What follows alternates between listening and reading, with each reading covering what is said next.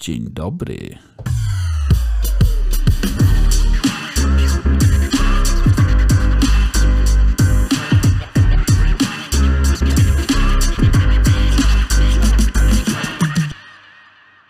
Cześć, witajcie. Z tej strony Piotrek i Z odkrywców miasta. Dzisiaj chcielibyśmy Wam przybliżyć jeden temat, mianowicie chcielibyśmy opowiedzieć Wam, O służbie zdrowia. co możemy na ten temat powiedzieć. Co możemy powiedzieć na temat służby zdrowia w Hiszpanii? Zacznijmy od pierwszej podstawowej rzeczy, mianowicie powiedzmy przede wszystkim, jakie są typy służby zdrowia. Ludzie mieszkający w Hiszpanii mogą się spotkać z dwoma takimi filarami służby zdrowia. Jeden to będzie filar państwowy i drugi to będzie filar prywatny, czyli sektor prywatny służby zdrowia. Okej, no i co teraz z tym państwowym sektorem służby zdrowia? Jak to działa w ogóle? No to jeśli chodzi o państwową służbę zdrowia, to chyba tak jak w większości krajów jest dostępna dla ludzi ubezpieczonych, czyli płacących składki zdrowotne. I mamy tutaj normalnie przychodnie, mamy szpitale i możemy uzyskać opiekę medyczną, no właśnie z, głównie z tych dwóch źródeł, tak bym powiedziała. No okej, ale czy, no bo mówisz, że musisz być ubezpieczony, żeby móc korzystać z służby zdrowia publicznej, a osoba nieubezpieczona? Są e, wyjątki od e, tej e, zasady, to znaczy,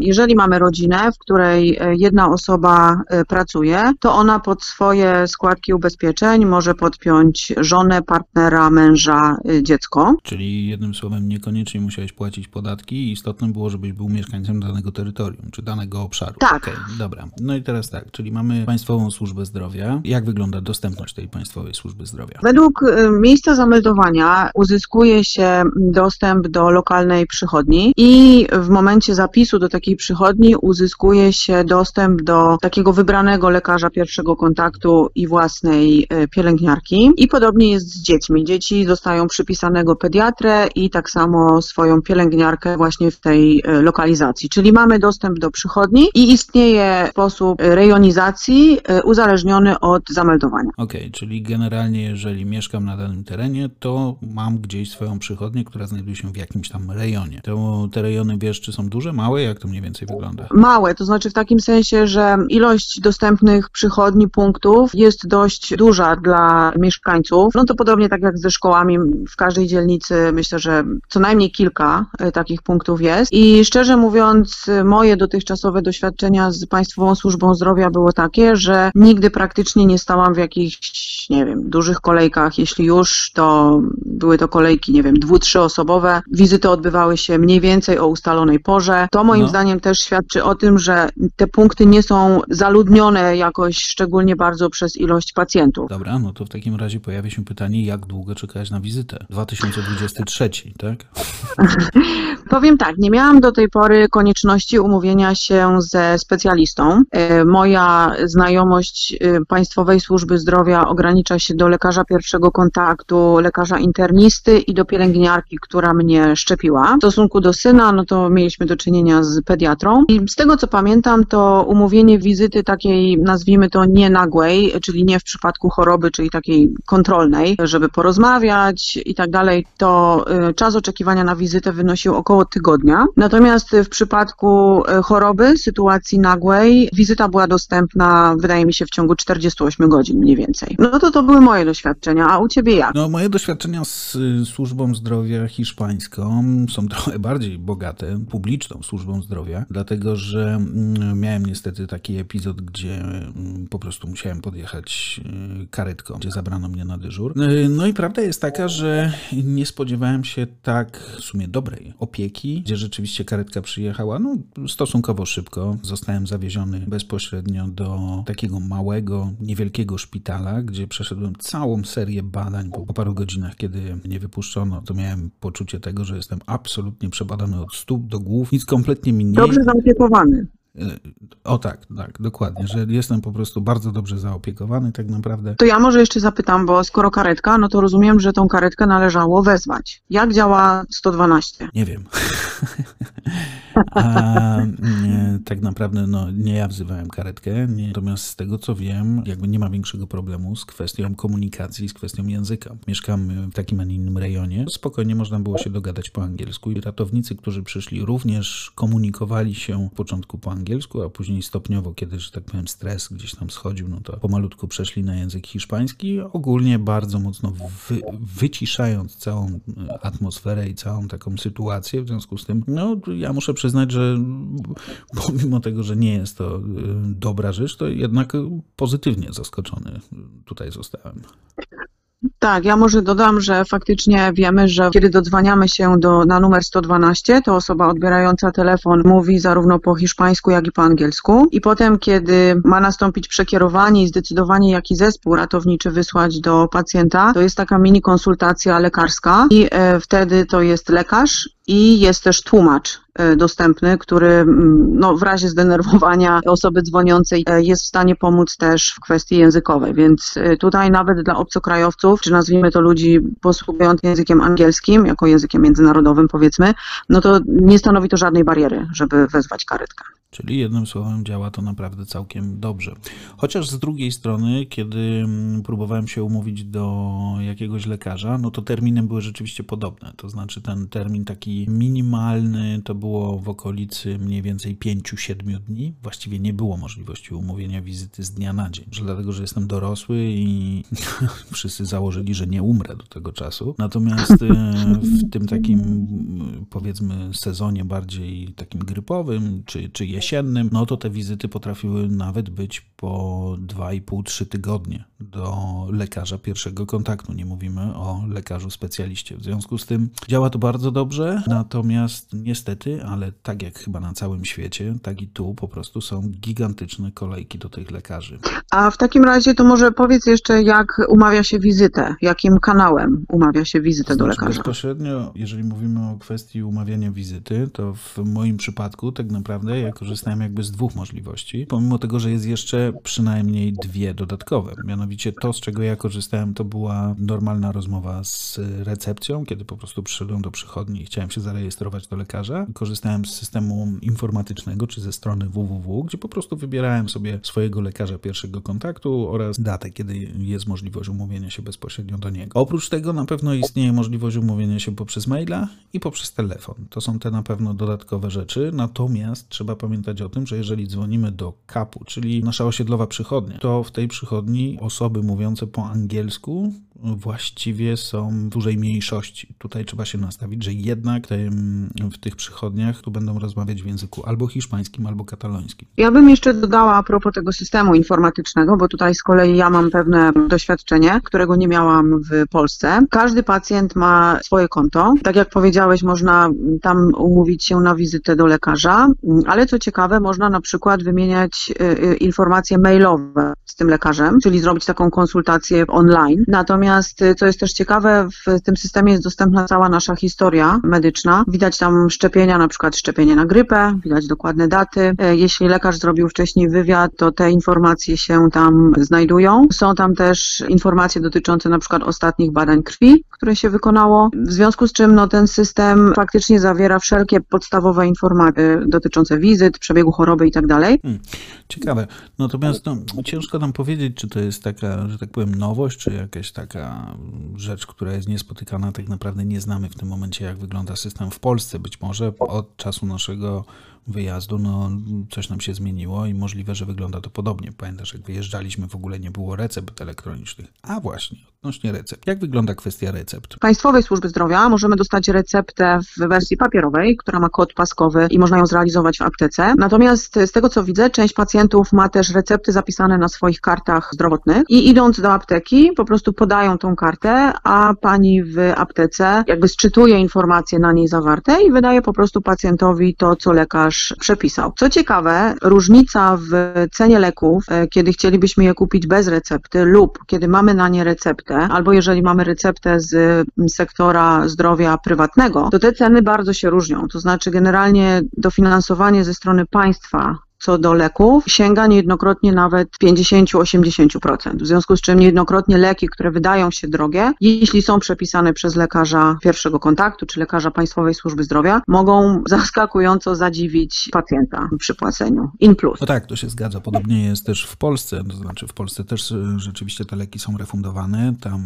państwo też dopłaca do części z tych leków, ale różnica pomiędzy Hiszpanią a Polską jest taka, że tu w Hiszpanii lista tych leków, do których dopłaca państwo, no jest zdecydowanie dłuższa i zdecydowanie większa. I rzeczywiście może być w, to, w ten sposób. Natomiast odnośnie tych recept, ponieważ nie wiem, czy wiesz, ale y, zasięgnąłem informacji, że w Polsce już nie ma właściwie recept, które są w formie papierowej. Właściwie wszystkie recepty w tym momencie są receptami elektronicznymi. Papierowe recepty, jeszcze jakieś tam takie bardzo, bardzo drobne, mają być podobno realizowane tylko do 2023, a później już kompletnie jakby odchodzi się w tym momencie od papieru. W Hiszpanii, jak wiemy, ten papier no, cały czas gdzieś tam jest, cały czas te recepty się utrzymują.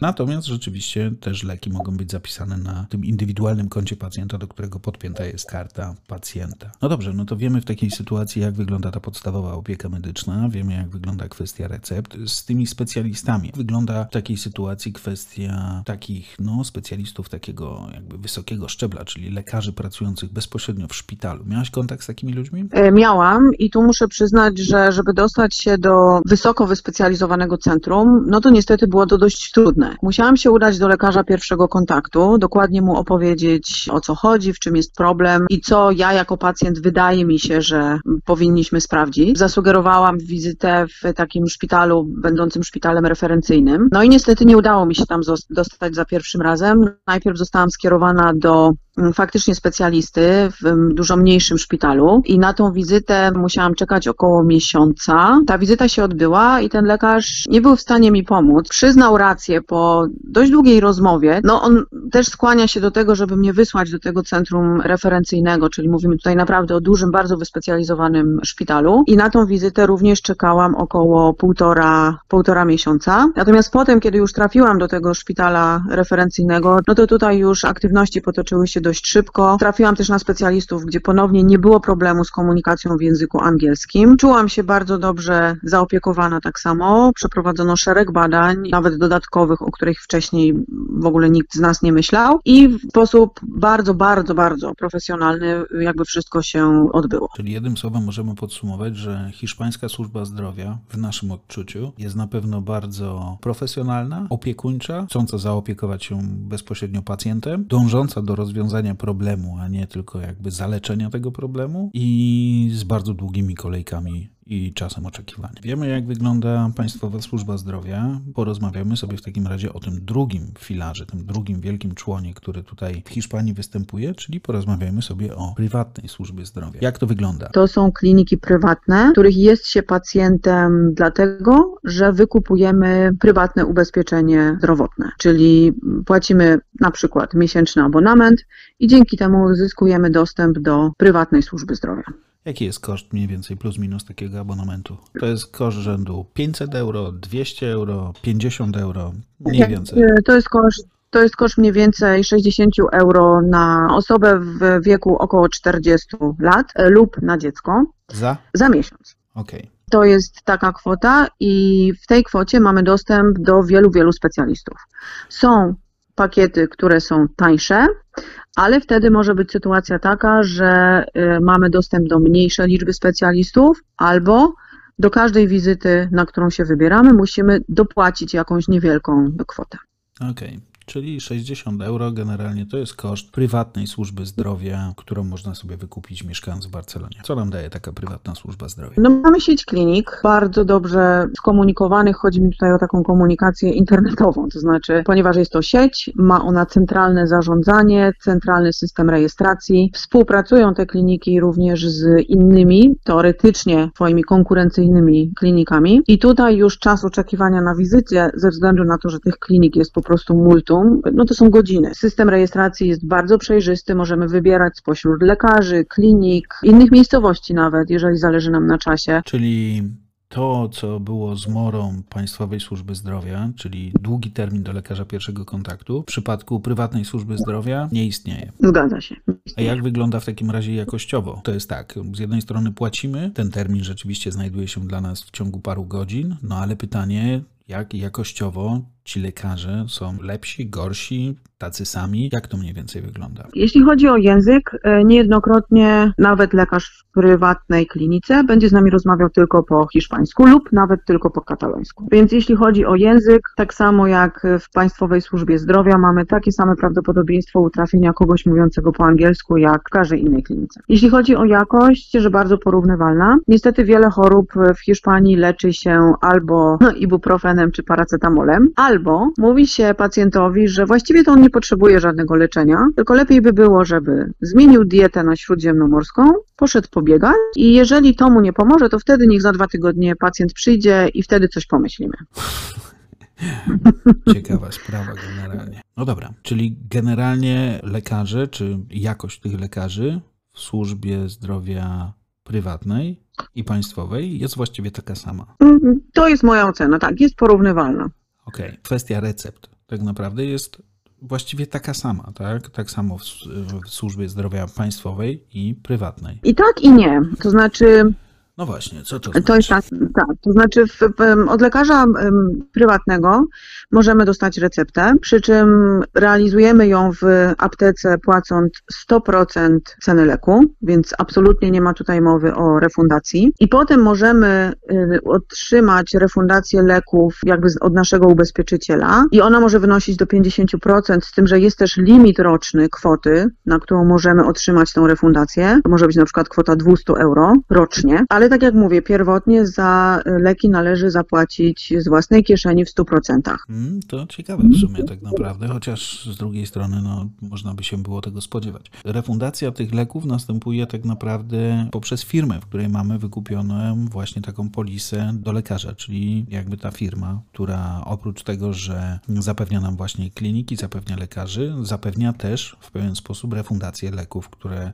ci lekarze nam przepisują. Tak, zgadza się. Chociaż na początku rzeczywiście no to jest pewne uniedogodnienie, czyli musimy zapłacić z własnej kieszeni za przepisane nam leki. Dobra, a pytanie jest teraz takie, ta prywatna służba zdrowia zajmuje się takimi przypadkami w sumie e, nie, nieskomplikowanymi i tak dalej, jak zaczyna się cokolwiek skomplikowanego, mm, jak już jest potrzebny jakiś szpital, czy, czy jakaś taka opieka, no to wiadomo, że wtedy prywatna jakby służba zdrowia się wycofuje i zostawia to państwowej, która no, między innymi właśnie z tego powodu jest wiecznie niedofinansowana. Podobnie to tutaj wygląda? No tu faktycznie wygląda to troszkę inaczej, to znaczy tutaj y, prywatne szpitale funkcjonują i nawet pacjenci onkologiczni mogą się leczyć e, w tych y, szpitalach. Dobrze, no to wiemy w takim razie mniej więcej, mamy zarysowane jak wygląda służba zdrowia państwowa, służba zdrowia publiczna. Mm, no i teraz moje pytanie jest takie, ponieważ wiadomo, że no, do lekarza chodzimy wtedy, kiedy jesteśmy chorzy, e, kiedy coś nam dolega, no a w takiej sytuacji wiadomo, że nie możemy pracować. Jak wygląda kwestia zwolnienia lekarskiego i L4? Hmm. No, to jest niestety coś, co moim zdaniem w momencie, kiedy człowiek jest chory, stanowi olbrzymie wyzwanie. Ja muszę przyznać, że przez ostatnie 3,5 e, roku pracy w hiszpańskiej firmie na hiszpańskiej ziemi nie korzystałam z L4 ani razu. I nie jest to wcale spowodowane tym, że nie było dni, kiedy faktycznie bardzo ciężko by mi było y, pracować i powinnam siedzieć w domu, ale tym, jak jest to skomplikowane. Bo sprawa wygląda tak. Kiedy jesteśmy chorzy, tak jak powiedziałeś, dość łatwo możemy umówić wizytę u y, lekarza w prywatnej klinice. Tym, że ten lekarz, nawet jeżeli nam wypisze L4, to to L4 po prostu nie działa. Nie jest Musimy respektowane, tak? Nie jest respektowany, dokładnie. Nie możemy po prostu wziąć tego L4, wysłać do pracodawcy i tym sposobem y, usprawiedliwić naszej nieobecności w pracy, albo wysłać L4 do tutejszego ZUS-u, żeby ZUS za nas zapłacił. Musimy zabrać to L4 i pójść do lekarza pierwszego kontaktu w Państwowej Służbie Zdrowia. Z tym, że problem no tak. polega na tym, że tam może się okazać, że nie możemy się umówić na wizytę. No właśnie, no może nie być terminu, tak? To wiemy o tym, że te terminy do lekarza pierwszego kontaktu są no, kłopotliwe, delikatnie mówiąc. Jeżeli to będzie okres przykładowo jesienno-zimowy, no to może się okazać, że tak naprawdę musisz czekać na tą wizytę 3-4 tygodnie. No i co wtedy? Dokładnie. No i chyba wtedy trzeba pracować, więc może to jest powód, dla którego ja przez ostatnie 3,5 roku nawet jednego dnia nie spędziłam na L4. L4 z prywatnej służby zdrowia nie jest respektowane. No, Ciekawe. Czyli jednym słowem tak, prywatna służba zdrowia daje nam możliwość szybkiego, szybkie, szybką możliwość kontaktu z lekarzem, szybką analizę i możliwość sprawdzenia, co nam się dzieje. Daje w pewien sposób też zabezpieczenie i możliwość porozmawiania ze specjalistami. Natomiast w momencie, kiedy pojawia nam się styk, no lekarz, biznes, nie? Czyli jeżeli jesteśmy chorzy i potrzebujemy w jakiś sposób to załatwić, i tak i tak musimy się w tym momencie zderzyć z Państwową Służbą Zdrowia. Państwowa Służba Zdrowia z kolei no, daje nam podobne rzeczy, tylko tak naprawdę wydburza nam ten czas. Zgadza się. Myślę, że mamy po części gdzieś tam ten temat zarysowany, jak to wygląda, czyli mamy zarysowany temat państwowej i prywatnej służby zdrowia. Zanim kończymy nasz program, musimy poruszyć jeszcze jedną dość istotną kwestię, mianowicie jesteśmy w samym środku pandemii. I pytanie, kto szczepi, gdzie szczepi, czy w ogóle szczepi, jak to wszystko wygląda, jak ten system tak naprawdę poradził sobie problemami tej pandemii, która e, w tym momencie nas dotyka. Ja może zanim skomentujemy jeszcze szczepienia, bo to już jest tak naprawdę jeden, miejmy nadzieję, z ostatnich etapów, e, to ja bym chciała dodać, że kiedy byliśmy faktycznie w środku pandemii, albo nawet może nie w środku, na samym początku pandemii, kiedy wszystkie kraje, czy większość krajów narzekała na, no powiedzmy sobie szczerze, no gdzieś zawalenie tych systemów y, opieki zdrowotnej. W Hiszpanii okazało się, że mm, weszło w życie rozporządzenie, które sprawiło, że wszelkie prywatne kliniki, przychodnie, szpitale miały obowiązek przyjmowania pacjentów bez względu na to, czy byli ubezpieczeni w danej klinice, czy nie. Czyli po prostu każdy pacjent, który miał objawy, potrzebował pomocy i tak dalej, który zgłosił się do centralnego znowu systemu udzielania pomocy, mógł zostać skierowany bądź do mm, kliniki czy przychodni państwowej, bądź do prywatnej i nie ponosił z tego powodu jakichkolwiek kosztów. Ogólnie mm, społeczeństwo hiszpańskie, jeśli chodzi o zabezpieczenie medyczne, no to poradziliśmy sobie dobrze. To znaczy większość ludzi może powiedzieć, że no, przeszliśmy w miarę spokojnie, przynajmniej początek pandemii. No ale jak to? Przecież media, zwłaszcza media w Polsce, podawały o tym, że szpitale są przepełnione, respiratorów brakuje, że trzeba ludzi odłączać od tych respiratorów wybierać, kogo zabijać, a kogo nie zabijać, to to prawda jest w takim razie? Nieprawda? Jak to wygląda? Nie, nie słyszałam od nikogo o tak dramatycznych y, wyborach, o których y, mówiły media. Ja pytając bezpośrednio gdzieś tam, czy to rzeczywiście prawda, czy nie, no okazuje się, że to wierutna bzdura i po prostu nigdy takie sytuacje nie miały miejsca. Te szpitale rzeczywiście były zapełnione, ciężko mówić, że przepełnione, ale czy, czy, czy niewy, niewydolne, natomiast były rzeczywiście zapełnione, natomiast tak dramatycznych sytuacji, że trzeba było wybierać, komu podać tlen, a komu nie, po prostu nie było. To są wymysły mediów. Dobrze, a kto szczepi w Hiszpanii? Prywatna, państwowa służba zdrowia? Jak wygląda kwestia szczepienia? No. Powiedzmy jeszcze dwa tak, słowa no, na ten temat. Jasne. Mm, tu można powiedzieć, że stety lub niestety szczepi tylko i wyłącznie Państwowa Służba Zdrowia. Wydaje mi się, że to spokojnie mogłyby się i Państwowa i prywatna służba zdrowia podzielić zasobem szczepionek i szczepić w dwóch źródłach. Natomiast decyzja jest taka, że szczepienia odbywają się tylko i wyłącznie w, faktycznie w Państwowej Służbie Zdrowia. Czy kolejki były? Tak, były. Czy długo czekało się na możliwość zarejestrowania i znalezienia terminu? Nie. E, to była kwestia kilku dni. System był automatyczny. Na drugą dawkę zapraszano nas poprzez SMS-a. Czy było dobrze zorganizowane? Absolutnie tak. Ktokolwiek chce się zaszczepić, może to zrobić e, w chwili obecnej w Hiszpanii. Jaki jest poziom wyszczepienia w Hiszpanii? Katalonia w tym momencie dwiema dawkami 60%. Natomiast średnia Hiszpanii to jest prawie 70%. Mówimy o pełnym wyszczepieniu 70% populacji i należy dodać, że uruchomiono już też możliwość szczepień dla młodzieży w wieku 12+. Czyli między 12 a 18 lat. Służba zdrowia poradziła sobie generalnie z tą pandemią. Taki z tego wniosek. Poradziła, radzi. W przyszłości pewnie też tak będzie, bo to jeszcze chyba koniec. Okej. Okay. No to na sam koniec. Jeśli chorować czego nikomu nie życzymy, to lepiej leczyć się w Polsce czy w Hiszpanii? A w Hiszpanii, ale jest jedno ale. Idąc do lekarza, musimy być przygotowani do tego, że wizyta może odbyć się tylko i wyłącznie w języku hiszpańskim i musimy być w stanie i komfortowo czuć się rozmawiając z lekarzem w tym y, języku, bo inaczej wizyta będzie a my będziemy mieli poczucie, że nie zostaliśmy dobrze przez lekarza przebadani, ocenieni, dobrze zdiagnozowani. No Więc tak. Powiedziałabym tak, Hiszpania tak, pod warunkiem, że jesteśmy w stanie rozmawiać z lekarzem w języku hiszpańskim. Okej. No to w takim razie tym optymistycznym akcentem Dużo zdrowia życzymy przede Tak. wszystkim. życzymy w takim razie dużo zdrowia wszystkim. Przepraszamy za jakość połączenia, aczkolwiek y, jesteśmy na łączach między Hiszpanią a Polską. Stąd nie najlepsza jakość y, tego nagrania. Następne już powinno być lepsze. No i do zobaczenia w przyszłym tygodniu. Cześć. Do usłyszenia.